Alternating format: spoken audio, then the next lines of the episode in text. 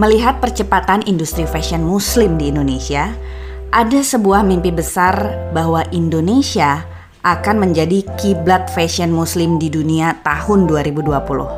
Saat ini kita sudah melihat beberapa tokoh yang berperan besar untuk mewujudkan itu.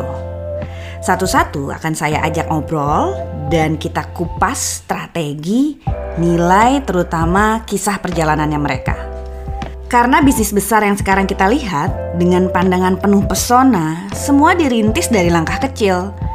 Ada saatnya merangkak, berjalan, sampai berlari. Mungkin harus istirahat sesaat untuk kembali bergerak. Gak jarang founder-foundernya juga harus siap terjatuh, bangkit, terjatuh kembali. Ria Miranda mendirikan brand dengan namanya sendiri 10 tahun yang lalu dan tidak sendiri. Ada seorang partner yang setia, Pandu Rosadi, sang suami. Saya Hana Farid, this is Modest Talk. Mungkin yang terlihat tuh ya happy-happy aja, tapi sebenarnya kalau bisnis sama, sama suami itu yang mencoba profesionalnya itu gitu. Memang di meeting pun kita berdebat, sampai tim kita tuh nggak ngelihat gitu, ih karya udah dong, udah dong gitu kayak. Oh pernah berantem? Oh, Menurutku sih dengan dengan aku dan Ria ini seperti perjalanan kita berdua sih sebenarnya. Ria memang founding the brand and I co-found this brand untuk bisa lebih rapi dan punya uh, tujuan dan target yang jelas gitu. Jadi sebenarnya brand ini uh, memang seperti perjalanan cinta kita gitu dari awal sampai sekarang dan menurutku ya romantis banget ya. Assalamualaikum warahmatullahi wabarakatuh. Halo Ria dan Pandu. Waalaikumsalam. Waalaikumsalam. warahmatullahi wabarakatuh. Kompak sekali kita. Selamat ya tahun ini adalah tahun ke-10-nya Ria dan Pandu. Alhamdulillah. Gimana rasanya satu dekade jatuh bangunnya? Kayak baru dimulai sebenarnya. Baru dimulai Iya justru kan? ya. Baru Iya, iya. dimulai. Dan memang Pandu tuh dari awal mengebantuin Ria. Jadi Pandu itu ya pas ketemu, pas ketemu 2010. Kenapa pas ketemu tuh 2010 tuh kira-kira? Lupa ya? Dia lupa ya. Jadi kita dikenal kita dikenalin sih waktu itu sama teman um, 2010 ya. Waktu itu 2010 terus aku nanya ngobrol sama Ria lagi ngapain. Oh lulusan anak Esmod nih gitu kan. Anak Esmod kan biasanya kan stylist-stylist. Uh, tapi waktu pas ketemu sama Ria tuh uh, justru lagi kucel-kucelnya karena dia baru pulang dari toko kain. Lagi gitu. Uh, tapi dari situ dari situ sih jadi ada klik pointnya bahwa apa yang Ria kerjakan tuh something yang aku juga passion sih gitu. Jadi kita aku mulai ngebantu itu 2010 ya pas habis kenal. Oh, iya iya iya. Jadi memulainya itu di 2009 sih. Itu setelah cari-cari pengalaman terus aku memberanikan diri untuk bikin brand. Ya udah dulu yang bikin label pun juga eh logo, logo pun juga sepupu gitu. Karena eh, desain grafis ya udah minta tolong dong gitu. Akhirnya bikin nama brandnya itu Shabby Chic by Ria Miranda. Itu awal mulanya Awal ya. awalnya desainnya tuh sangat feminin terus eh, pastel ya emang pada umurnya ya jadi pastel itu bener-bener pastel yang colorful Sweet, banget banget banget kalau dulu. Itu ya. Belum. iya awalnya tuh ya ini ya sebelum dapat customer gitu tuh emang banyak yang bilang ini kenapa sih warna apa ini? Warna pucat banget nih jualan apa enggak? Gitu. Karena warna-warna itu untuk di baju muslim tuh belum Belum ada, ya, benar, gitu benar, benar, benar. di awal-awal itu. Nah 2010 ketemu Pandu. Memang ya itu seperti yang Pandu ceritakan tadi gitu. Awalnya eh, ya pendekatan terus ternyata Pandu bisa bikin apa untuk branding pas segala macam ya kita ngobrol. Ternyata ya seru di situ gitu. Apa sih yang bikin Pandu akhirnya tertarik buat mau deh bantuin Ria? Apa yang bikin gemes sampai harus dibantuin nih Ria nih? Ya karena waktu itu kan misinya adalah gimana caranya nih wanita ini sampai eh, tujuannya adalah untuk ya menikah gitu lah. Jadi supaya nggak ke mana-mana, aku ikat dengan Oh, jadi berbagai strategi branding. Jadi sebenarnya nikahin, sebenarnya nikahin brandnya, apa nikahin Rianya nih? ya tujuannya kan itu cuma caranya supaya kita setiap ada mau ketemu eh, ada pembahasan yang ada manfaatnya terus ngobrolnya juga lebih seru. Eh, ya ya aku coba ba- kasih banyak saran sih untuk untuk bisa mengembangkan brandingnya dia gitu jadi eh, dari logo yang awal terus aku perbaikin dengan nama Chic by Ria Miranda plus aku Cantik. langsung ngasih apa ya banyak masukan untuk personal brandingnya Ria juga sih agar memperkuat si branding uh, Oke. fashionnya itu. Jadi sebenarnya bibit-bibitnya itu udah dilihat gitu ya dari sudah sudah tinggal potensinya tuh ya, ada gitu potensinya ya. ada tinggal dirapihin aja. Oke, hingga sekarang akhirnya sudah timnya ada berapa orang? Eh, 130. 130 dan kalau ngomongin koleksi tiap tahun udah ada setahun 5 koleksi. tahun lima minimal 5 koleksi ya. Iya, jadi jadi setahun itu emang kita ambil spring summer, fall winter gitu. Jadi ada dua koleksi di setiap itu dan raya. Dan Untuk raya. baju muslim ada raya collection juga. Jadi ada lima. Itu lima udah berapa lama tuh jalannya? Eh, mulai rapihnya itu eh, ya ya setelah du- eh, tiga tahun ngejalanin brand ini. Hmm, jadi udah tujuh tahun lah ya Iya, mulai iya, rapi. Udah, udah mulai rapi. Terus ada ada brand-brand baru yang kita yang kita bikin gitu kayak eh, di uh, Ria Miranda Essentials untuk Uh, ada Ria Miranda Iya, Kids. yang Luna Kids, terus juga ada signature yang untuk Oke. signature. Itu dalam perjalanan tiga tahun aja udah mulai ngerjain mukena. Aku pernah Iya, lihat iya. ada sejadah, Iya, living, ada living. ada living juga. Nah, em, udah ada berapa banyak sih koleksinya totalnya itu satu tahun? Kalau bisa dihitung Kalau bisa dihitung totalnya, aduh. Kita satu hitung- koleksi, hitung dulu Ah, ya. satu koleksi. Satu koleksi itu ada 12 artikel yang kita bikin. Nah, per satu artikelnya itu ya bisa ribuan sih. Satu gitu. Karena kita ribuan. memang menyebar ke cabangnya cukup banyak. Cabang kita alhamdulillah udah 24 cabang sekarang dan Di seluruh Indonesia. Ah, ada di department store juga, terus uh, online-online store kita juga Iya. juga ada beberapa gitu. Jadi pembaginya juga cukup banyak gitu. Nah, Oke, dari ribuan itu ke 24 store ada di Malaysia juga. Ada di Malaysia. Ada di Kuala Lumpur juga, terus di e-commerce juga. Mm-mm. Itu kalau dikali per piecesnya ada seribuan, dikali 12, dikali lagi 5 dalam setahun. Yang mana itu sudah menjadi industri besar sekarang karyawan 100 30, 130 ya. 30 yang in-house. Nah. In-house. 130. Berarti kan harus terus ada inovasi-inovasi Iya, dong iya. ya. Inovasi yang paling sukses apaan tuh kalau diingat-ingat? In- eh, inovasi kan berjalan seiring dengan perkembangan eh, ini ya em, teknologi juga. Jadi kalau perjalanan inovasi waktu itu kita yang pertama untuk bikin baju di print, di print di kain karena waktu itu kita nggak mau eh, kita pakai polosan yang sama dengan desainer lain. Akhirnya kita go yang to pertama loh digital pakai. print. Ya, Eh, waktu itu kendalanya adalah digital print belum banyak, jadi kita harus ada minimum quantity untuk masuk ke pabrik. Tapi sekarang makin lama makin banyak kan mulai masuk eh, print. Nah, inovasi yang berikutnya kita lakukan adalah eh, dari teknik jacquard. Jadi di kain itu sudah ada motifnya kita. Jadi bukan di print tapi dari eh, dari di, di, di anyamnya gitu loh. Terus Itu tahun kesini- berapa tuh? Eh, yang di anyam itu dari 2017 kita sudah mulai. Ya, ya makin ke sini emang udah mulai bosan kan kita harus bikin inovasi apa lagi nih gitu. Jadi uh, market kita yang suka printing ada banyak gitu. Tapi kan yang suka polosan juga banyak. Tapi gimana yang polosan ini bisa tetap ada signature ya Mirandanya. Akhirnya kita beneran ke coba mulai dari tenunnya, dari benangnya dulu kita tenun dengan dengan logo RM gitu bentuk polosan. Tapi tapi ya tetap ada signature ya gitu. Oke, itu Iya. buat ngasih tahu ngebedain branding Ria Miranda juga ya. Gitu. Terus Ria Miranda dimulai 2010 itu di saat emang fashion muslim tuh lagi naik daun gitu. Mungkin jualan zaman dulu lebih gampang daripada zaman sekarang gitu. Tantangan terbesarnya buat sekarang Em, kita harus tahu kita masuk di dalam kolam yang mana uh, dan kita mau jadi ikan yang seperti apa gitu. Jadi harus um, researchnya harus lebih dalam. Uh, yang membedakan kita dengan brand yang sudah ada tuh apa gitu. Untuk menjadi sesuatu yang baru sih memang agak sulit ya. Tapi untuk membu menjadi sesuatu yang berbeda itu rasanya lebih lebih lebih bisa dieksplor gitu. sih. dulu mungkin beda kayak tadi jadi pembeda. Dulu nggak ada kayaknya nggak pernah lihat yang Shiabichi model-model pastel zaman 2010. Oh, Sekarang iya. kan makin banyak nih yang menyerupai Ria Miranda.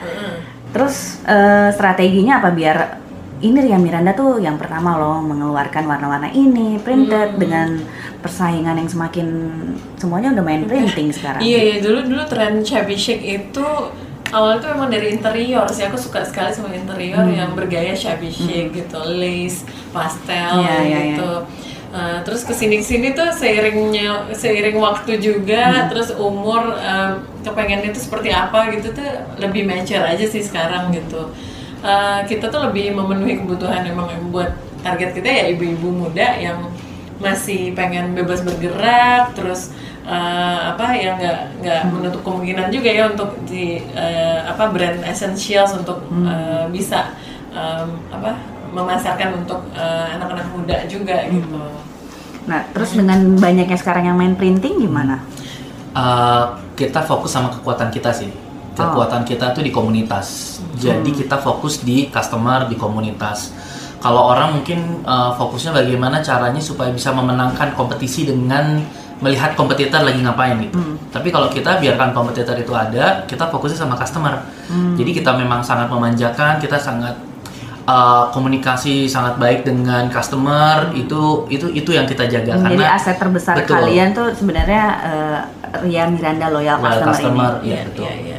Jadi awal ceritanya si loyal community itu emang ini ya di satu bu- di butik kita uh, mereka belanja terus ketemu satu sama lain terus ternyata ngobrol terus nyambung dan uh, ngumpul-ngumpul makin banyak terus mereka yang nyampein ke aku gitu. Ini ini kita nih RMLC loh, RMLC apa ya gitu. Oh, jadi sebenarnya nama RMLC itu dari Iya dari customer Dari- sendiri. oh. Terus dia udah punya hashtag sendiri di Instagram gitu. Hmm. Nah itu "Hah, apa apa RMLC gitu. Iya kita tuh RMLC, RMLC Maria Miranda Loyal Customer gitu. Hmm. Oh gitu ada ya namanya sekarang itu iya gitu. Nah pertama kali ketemu cuma enam orang, jadi cuma Hmm. enam orang. Mereka senang pakai, mereka akhirnya menjadi kayak eh, sahabat juga berteman terus. Hmm. Nah eh, dari situ sih awalnya gitu. Jadi abis itu punya teman baru lagi, lagi lagi lagi yang yang eh, suka sama brand Ria Miranda dan alhamdulillah terus tahun berapa ya kita kita bikin jadi community. 2010. Tahun 2018 akhirnya kita 18. stated bahwa Ah. ini adalah Oh, uh, diresmikannya. C-nya, uh, C-nya itu adalah community instead of customer. Gitu. Oh. Ya, alhamdulillah udah di semua titik cabang kita si Hmm. loyal community itu ada gitu. Jadi, Dan semuanya ya aku sering dengar juga semuanya tuh tergila-gila sama Ria Miranda Ya gitu. Allah, Masya Allah. Pengen jadi kayak Ria Miranda. Capek nggak sih Ria harus keliling-keliling gitu? Eh, aku menikmati banget sih Menikmati gitu. itu sebenarnya teman-teman baru ya. Iya, iya, iya. Eh, ya memang Hmm. silaturahmi, ketemu ketemu teman-teman di sana. Ya juga eh, pengen tahu gitu apa sih eh, masukan dari mereka gitu tentang Hmm. brand ini, apa yang mereka suka, apa yang nggak yang mereka nggak suka Hmm. gitu. Ya ada, ya ada aja gitu eh, positif negatifnya Hmm. gitu. Ya itu yang aku selalu pengen dengar dari mereka gitu. Masuk ke tahun 10 Ria Miranda pasti akan ada perubahan yang signifikan. Tadi Ria Ria sendiri juga bilang ini justru baru mulai nih. Apa yang udah disiapkan sama Pandu? Uh, kita kita dan tim sih uh, banyak sekali mempersiapkan uh, apa namanya uh, apa yang akan kita lakukan 10 tahun mendatang ya setelah melalui 10 tahun ini. Uh, memang terlihat sekali perbedaannya dulu ketika 2009 Ria itu tujuannya adalah untuk memenuhi kebutuhan uh, dalam fashionnya sendiri. Uh, yang dipikirkan adalah waktu itu memang bagaimana caranya supaya yang pakai hijab itu terlihat menarik gitu loh. Berhijab itu seru gitu. Tapi Itu awal-awal. Itu awal-awal. Tapi setelah uh, berjalannya waktu uh, kita juga banyak belajar, kita juga banyak ngobrol, uh, mungkin juga ada proses pendewasaan diri. Customer kita juga makin dewasa, yang tadinya single terus sekarang udah pada punya anak. Uh, ada ada perubahan kebutuhan di situ.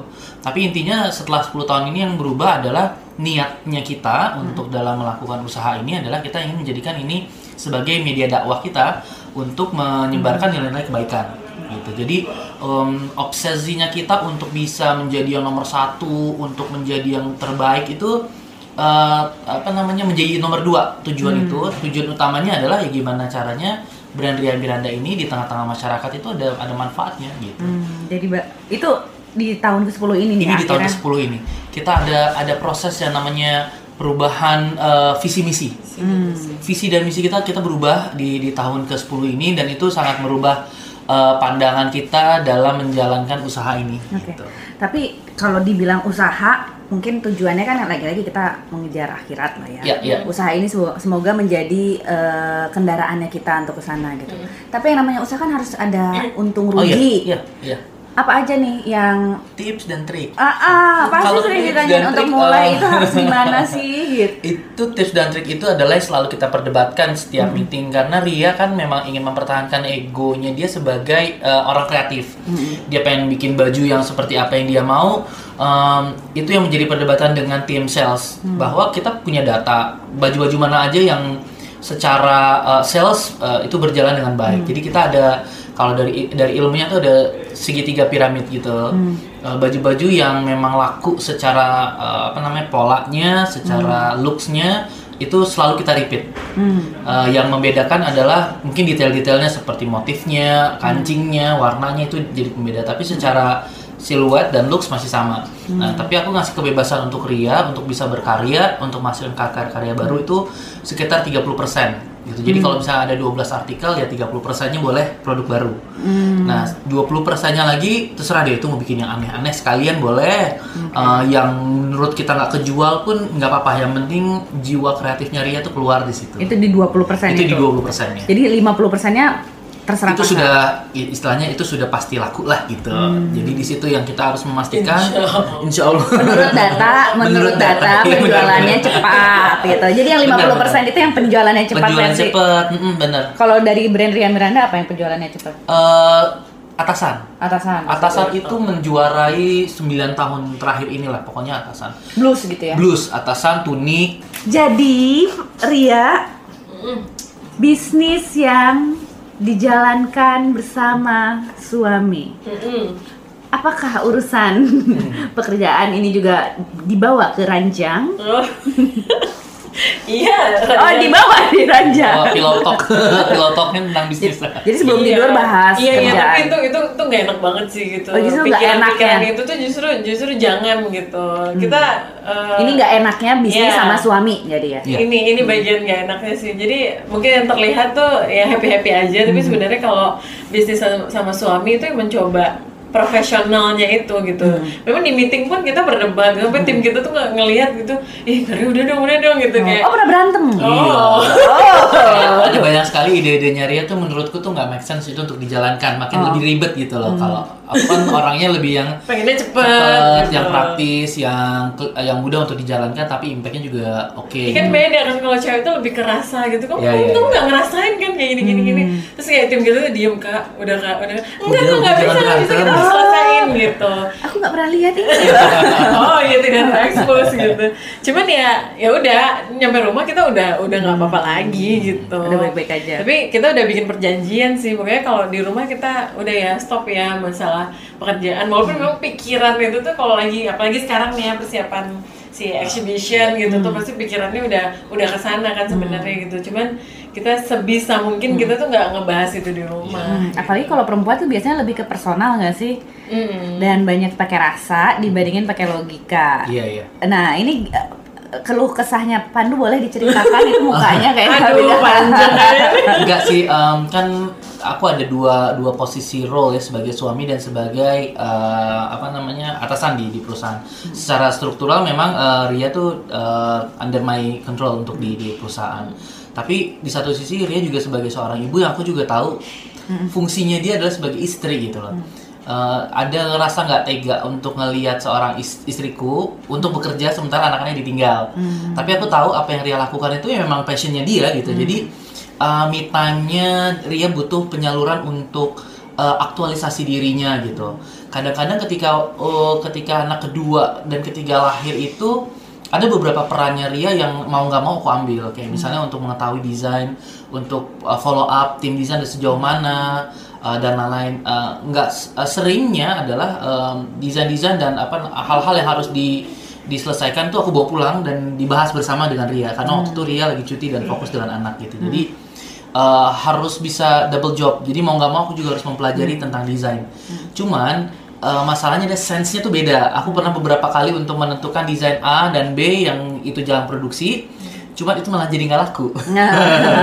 malah nggak laku ya. Jadi uh, memang ada rohnya yang uh, aku nggak bisa dapetin itu. Uh, ya mungkin ini karena memang brand ini udah memang Ria banget gitu. Jadi Ria tuh selalu berkaca kalau bisa produksi ini tuh nanya ke diri sendiri ini laku atau enggak, ini bagus atau apa enggak, mau pakai atau enggak.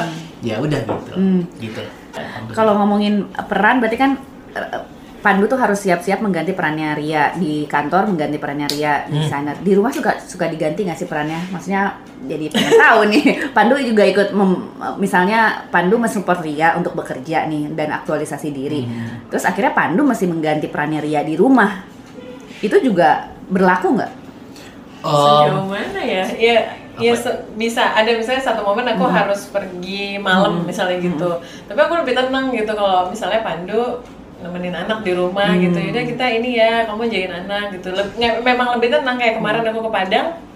eh, aku pergi sama eh, Katia anak pertama sama ada timku satu orang gitu. Jadi kita nggak nggak selalu bareng juga gitu. Ya anak yang dua lagi siapa dong yang jagain gitu. Jadi ya itu berbagi peran juga kan gitu. Aku ini ya pergi ke Jadi eh, Pandu mau ya di, dimintain tolong buat Oh, akhirnya Ma- eh, support. mau. mau Uh, beberapa case untuk urusin anak juga ya aku turun sih cuman uh, anak sih maunya sama mamanya terus ya jadi kalau itu ya kesempatan silahkan gitu. Jadi Pandu memang ada ya momen yang paling kasihan banget sama Ria ada gitu. ada apa ya momennya tuh kayak uh, momen tuh nggak nggak nggak ketik. Ada satu momen yang kasihan banget tapi momennya tuh uh, berjalan dengan waktu tuh aku suka mikir lah aku selalu uh, refleksikan apakah uh, memang fungsinya Ria itu juga sebagai pekerja harus memang bekerja. Tapi momen yang paling sedih adalah ketika Ria itu kalau ninggalin anak tuh pikirannya tuh mesti yang ke mana-mana gitu. Jadi katakan kita hampir setiap weekend itu ada traveling keluar dan Ria itu mikirnya tuh bisa dari A sampai Z untuk ninggalin anak gitu. Uh, dan menurutku itu uh, jadi memang jadi beban buat Ria yang nggak diomongin ke aku bahwa meninggalkan anak itu tak ternilai gitu loh. Walaupun ini harus untuk bekerja gitu sih intinya Oke. gitu. Eh, jangan-jangan Ria juga ada momen pengen keluar atau aku mau resign aja, aku mau ngurus anak. Itu pasti ada di semua ibu-ibu. pasti ada, itu pasti ada. Oh. Pandu pokoknya Pandu aja yang ngerjain semuanya. Aku mau di rumah aja ngurusin anak-anak gitu. Ada nggak momen itu? momen pengen seles eh, udahan Nah, udahan, aja aku gitu. mau di rumah. Ya ada sih itu waktu ini hmm, mungkin ketika lahiran yang ketiga Hmm. kali ya pas pas anakku tahun 2011 eh 2018 18. 2018 ngerasa Hmm. ya ini maksudnya ma- masa iya nggak ngurusin anak gitu eh, ini masih kan baby titipan. iya gitu. Ini kan titipan. Terus eh, waktu itu juga udah mendekati eh, ini annual show yang 2018 jadi waktu itu eh, apa ya kayak sibuk banget sibuk banget untuk untuk ngurusin segala sesuatunya persiapannya. Yang mana ini kita lagi ngejalanin juga nih sekarang nih tahun kemarin. Nah em, ya momen-momen itu tuh yang yang memang eh, yang yang aku ingat gitu. Jadi momen ketika eh, jadi aku tuh belum belum belum banyak cerita sih sebenarnya ini. Jadi momen ketika annual show di tahun 2018 itu itu adalah titik yang aku pengen berhenti sebenarnya gitu.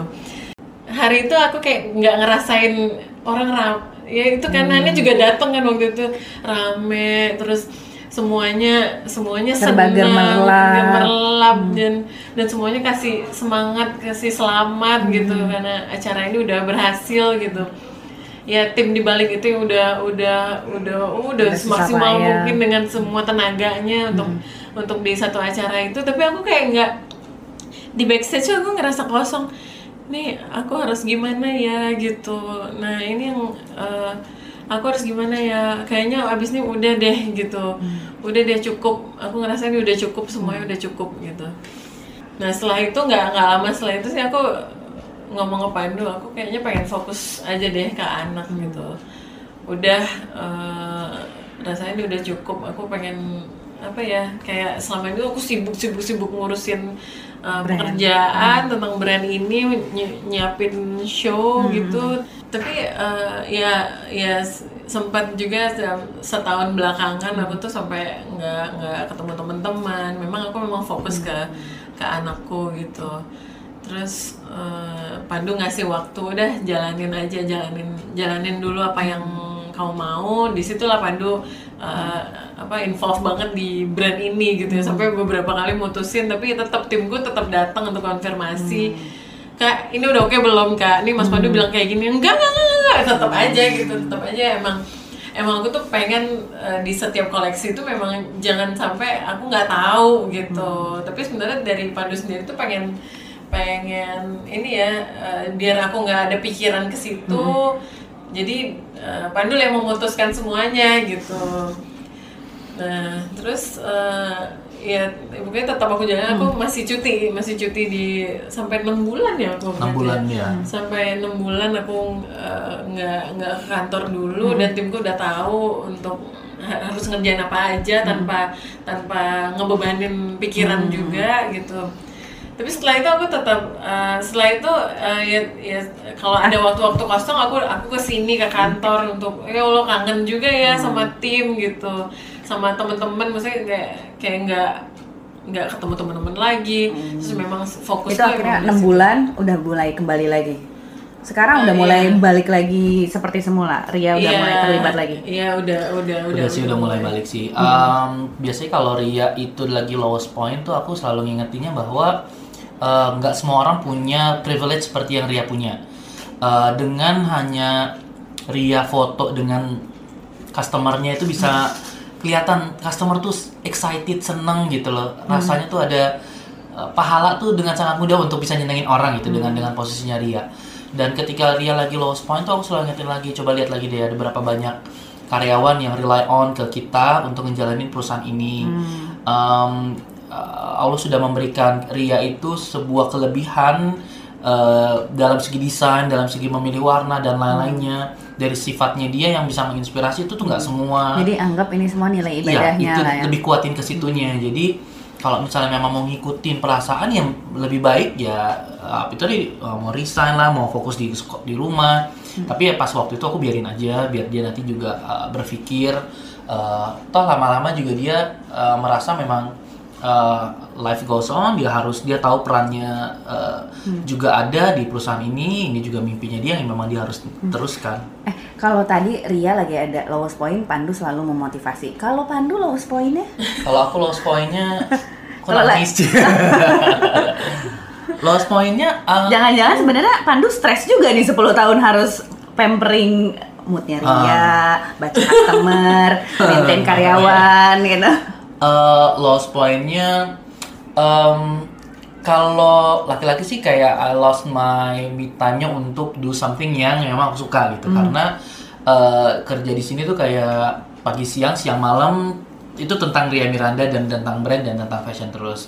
Uh, sampai uh, dan sampai aku ngobrol sama teman ketemu lagi dengan teman-teman yang lama kenapa begini kenapa begitu ya memang lo harus punya ada kegiatan lain selain dengan yang dijalani di sini gitu. Jadi ya sekarang kayak sepedahan atau traveling itu juga salah satu me time aku jadi alhamdulillahnya dengan punya cabang di 22 kota ini ada banyak waktu dan alasan kenapa aku harus visit ke store Oh. gitu Jangan-jangan eh, Pandu juga ngerasain lowest point. Maksudnya ini tuh semua tentang Ria Miranda, yang tentang aku mana nih gitu. oh kalau tentang akunnya sih um, Atau nanti mau bikin Pandu enggak sih Pandu Miranda. Enggak, enggak. Menurutku sih dengan dengan aku dan Ria ini seperti perjalanan kita berdua sih sebenarnya. Ria memang founding the brand and I co-found this brand untuk bisa lebih rapi dan punya uh, tujuan dan target yang jelas gitu. Jadi sebenarnya brand ini uh, memang seperti perjalanan cinta kita gitu dari awal sampai sekarang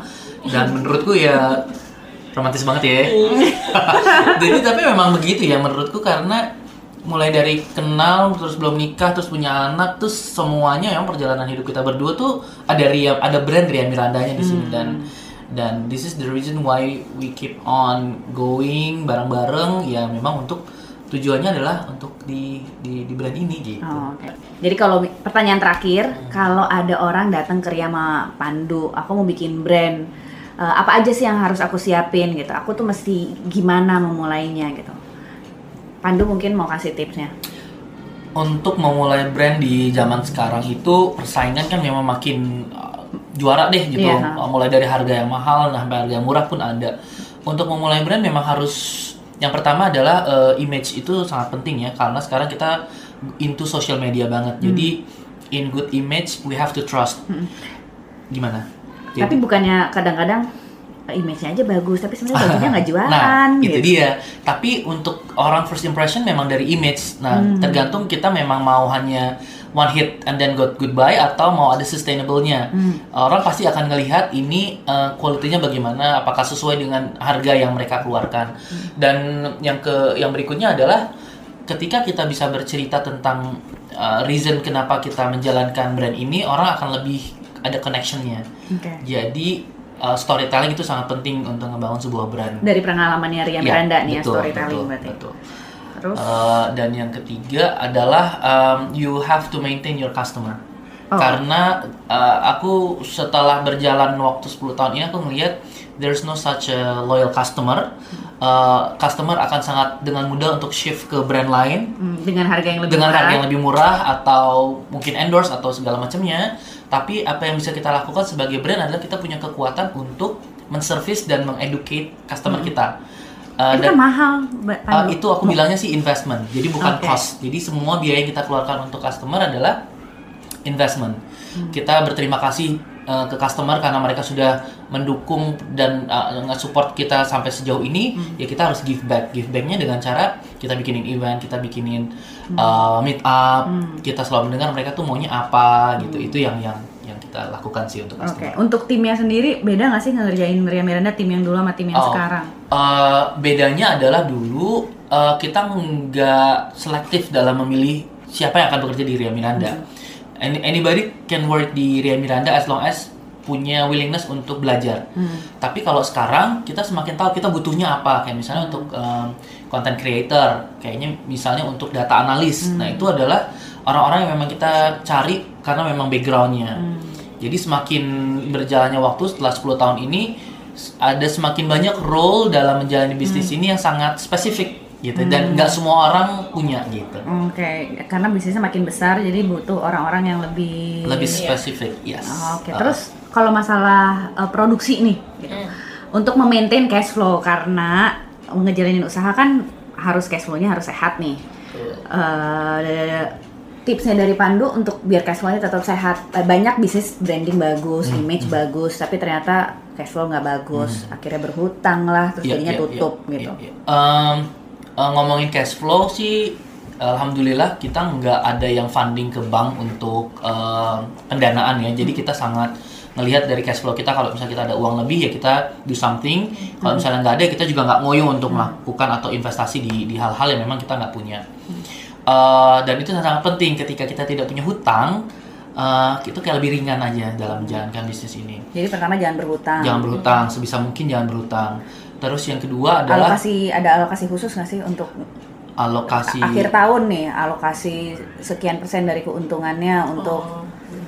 Oh, em, biasanya gini, eh, kita kembalikan lagi ke ke karyawan sih. Kalau misalnya kita memang ada mencapai target dan eh, net margin, net net profitnya juga bagus, itu biasanya in certain amount itu bikin kaget-kaget ke karyawan bahwa mereka mendapatkan bonus yang cukup besar.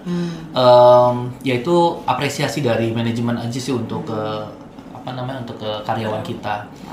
Dan kalau untuk dari segi eh, keuangan eh, harus tahu diri bahwa kalau misalnya kita adalah startup yang mau baru memulai awal tuh nggak usah gaya hidup sih. Gaya hidup eh, itu yang sangat berpengaruh. gaya hidup ke company berarti. Gaya hidup company dan bagaimana cara kita ngajarin ke, ke karyawan bahwa kita juga nggak yang pengen kelihatan mewah di luar padahal di dalamnya tuh kosong Berhutang. dia gitu sih. Oke. Terus kayaknya udah semuanya nih dibahas.